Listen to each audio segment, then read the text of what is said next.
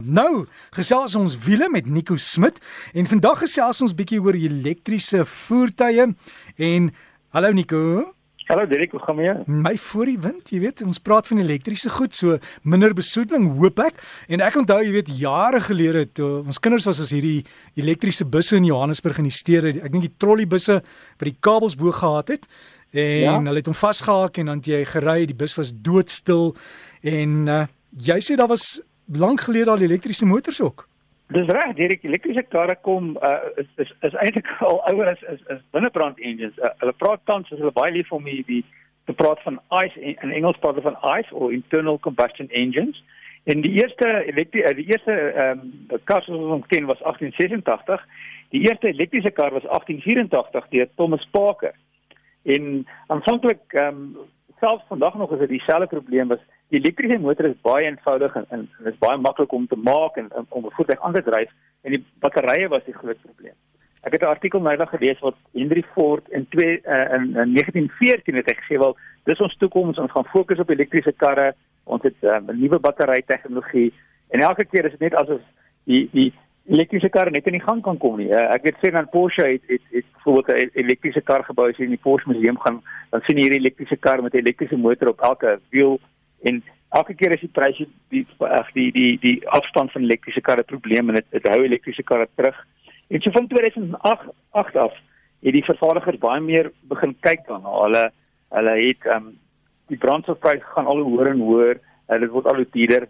Mense begin baie meer um, bewus word van die impak op op op die gasse en dat weet op die omgewing as jy kyk na enigiets as jy kyk na 'n gletser en hoe kleiner die gletser jy foto's kyk van gletsers 50 jaar terug en nou um, as as 'n voorbeeld. So die vervaardigers en en die publiek word baie meer bewus van van die probleme en net uh, as 'n nota ek dink dis juist hoekom die Joule eintlik nogal voor sy tyd was ongelukkig. Ek dink die tyd vir die Suid-Afrikaners wat die Joule ontwikkel het die idee was reg. Ek dink ons land was nog nie reg en, en die wêreld was nog heeltemal nog nie reg nie. Hmm. Um, en ek dink die die die die groot nadeel in Suid-Afrika waarmee ons sukkel is hoe ons elektrisiteit opgewek word en ook die koste gaan altyd 'n probleem wees. En, en as ons byvoorbeeld 'n regering kry wat sê, weet jy wat, kom ons subsidieer die voertuie, gaan dit wel klaar help. Ek weet uh twee lande wat ek kan aan dink is Maleisië en Noorwe waar die regerings minder invoerbelasting op die voertuie uh geplaas het. Hulle het met ander woorde baie probeer om mense te subsidieer wat elektriese voertuie koop. Want as die koste van elektriese voertuie soveel minder is, uh dan dan gaan ek dit baie meer oorweeg om 'n elektriese voertuig te, te te koop. Byvoorbeeld ook uh wat hulle kan doen is hulle kan byvoorbeeld sê tolgeld is minder. As jy 'n elektriese voertuig ry, betaal jy nie tolgeld nie. So as as jy kar baie goedkoop is en jy betaal byvoorbeeld nie tolgeld nie, gaan dit alles goeders wees dat mense baie meer laat dink oor of elektriese voertuie moet werd is. Want tans is die nadeel maar van elektriese voertuie die kostes. Die kostes is is baie hoog. Elektriese voertuig is nie 'n intreevlak voertuig nie. Hulle die goedkoopste wat jy nou kan koop gaan nog steeds 7800 000 die nuwe wat inkom gaan almal ver oor 'n miljoen en 'n half miljoen rand gaan die elektriese voertuie kos wat wat Jaguar en en uh, BMW Audi en Mercedes-Benz gaan gaan bring. So die koste is nog steeds te veel vir vir gewone mense soos ek en jy om hulle te ry. En die vervaardiger sê ook self, hoor ons hulle koste is, omtrent volgens Mercedes-Benz is die koste uh die, die wind wat hulle maak die helfte op elektriese voertuie as wat hulle maak op 'n binnebrand engine. So hulle kostes is minder en dan is daar natuurlik iets wat wat wat wat wat vir hulle in 'n mate nadelig kan wees en dit is die dienste. Want as jy dink aan 'n 'n binnebrand engine het olie, as jy jou kar dien, daar's olie, daar's filters, daar's vonkproppe, jy betaal vir arbeid. As iets gaan breek en en die engine is al baie goed om te vervang of baie goed wat kan breek want daar's baie bewegende dele. As jou radkas breek, daar's baie goedes wat kan verkeerd gaan in 'n radkas. Selfs net jou koplaar vervang kan jou baie geld kos. Ehm um, waarop elektriese voertuie is daar baie min bewegende dele as jy dan dink. Elektriese motor wat wat 'n wiel ehm um, dryf, daar is nie 'n radkas nie. Daar's baie min bewegende dele. So as jy dan dink as ek my elektriese voertuig moet diens, gaan dit nie noodwendig elke 15000 km wees nie. En as dit is, is dit maar eintlik net om te kyk of die battery nog reg is en om 'n om 'n te kyk of die voertuig nog gesond is, maar daar's min wat kan verkeerd gaan. So ek dink die wins van vervaardiger kan ook moontlik baie minder wees as hulle minder elektriese voertuie verkoop. Maar natuurlik is die die persone wat die voertuig diens is dan ook 'n probleem want jy kan nie meer 'n uh, kwalifikasie hê om 'n voertuig te diens jy moet nou 'n hoë stroom kwalifikasie hê want die die die die hele dis nou 'n elektriese voertuig in plaas van 'n binnebrand enjin hoe die voertuig werk is heeltemal heeltemal anders En die die as ek 'n voertuig koop en ek veral 'n nuwe elektriese voertuig byvoorbeeld nou, dan sal ek nie bekommerd wees. Daar's nie daar's min om oor bekommerd te wees. Die grootste bekommernis is my rykafstand.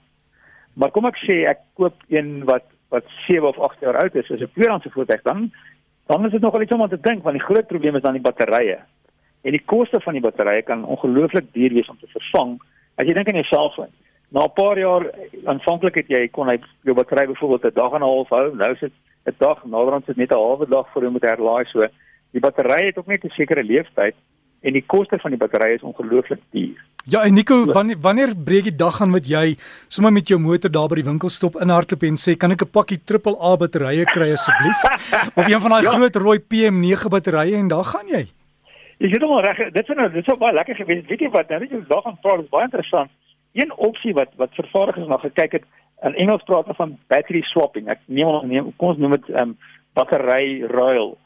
En die idee daar is as jy koop 'n elektriese voertuig sonder 'n battery, iemand anders besit al die batterye en dan wat gebeur is die voertuig word dan die batterye is baie maklik om te uh, om om in te laai of uit te laai. Dit vat 5 minute. Jy hoef nie uit die kar uit te klim nie. So die idee is dan dat jy jy het jou elektriese voertuig en as jy ergens in ry, stop jy halfpad en as jou battery klaar is, dan is dit soos 'n dienstasie, is dit 'n batterystasie. Iemand haal die battery uit, nuwe battery in die voertuig en dan gaan jy onder 5 minute. Ehm um, so dit neem dadelik die die koste van die battery. Ehm um, jy hoef nie te bekommerd te wees oor die koste van batterye wat wat oud raak, wat nie meer gaan werk nie. Ehm um, dit is nou iemand anders se probleem. Maar die nadeel natuurlik van dit is is dat die die die stelsel word so geïntegreer in die voertuig dat ehm um, as jy nou na 'n elektriese voertuig kyk, alles lê basies onder die af waar jy sit. Met ander woorde die, die elektriese motors vat min plek, hulle word laag gemonteer. Die battery pak lê heeltemal onder waar jy sit, so dit vat min spasie waar indien jy sodra jy met batterye inlaai en uitlaai of triple AEB, het jy baie batterye nodig. Dis ongelukkig die die probleem. En baie mense sê maar ehm um, die afstand is 'n probleem van elektriese voertuie. Kan jy net meer batterye insit? Maar batterye is ongelooflik swaar. Ehm um, so as jy na elektriese voertuie kyk, ehm um, kan hulle nie weeg maklik oor 2 ton as gevolg van die gewig van die batterye. So dit is mens kan nie net batterye bysit en bysit nie, die voertuig raak te swaar. Ehm um, ander opsies wat mense sê maar wat van sonpanele kan dit nie help om om my kar te laai nie, maar sonpanele kan dit glad nie genoeg krag om om elektriese voertuig te laai nie. Hulle ehm um, kan maar 'n paar elektriese stelsels in die kar, maar glad nie omdat die kar so swaar is en die elektriese motor se lading so hoog is, gaan dit net nie jou kar kan laai nie. Ander opsies natuurlik wat baie vervaardigers na kyk is hibriede voertuie. En ons ons het al baie van op die pad en ek dink daar gaan baie meer 'n fokus wees vir bekostigbare hibriede voertuie met ander woorde, jy kar het 'n petrol engine en 'n elektriese engine. So jy kan in die aande jou elektriese jou batterye laai. Dis nie 'n baie groot batterypak nie. Hy vat basies die spasie van jou spaarwiel en jou ryafstand is miskien 30 km.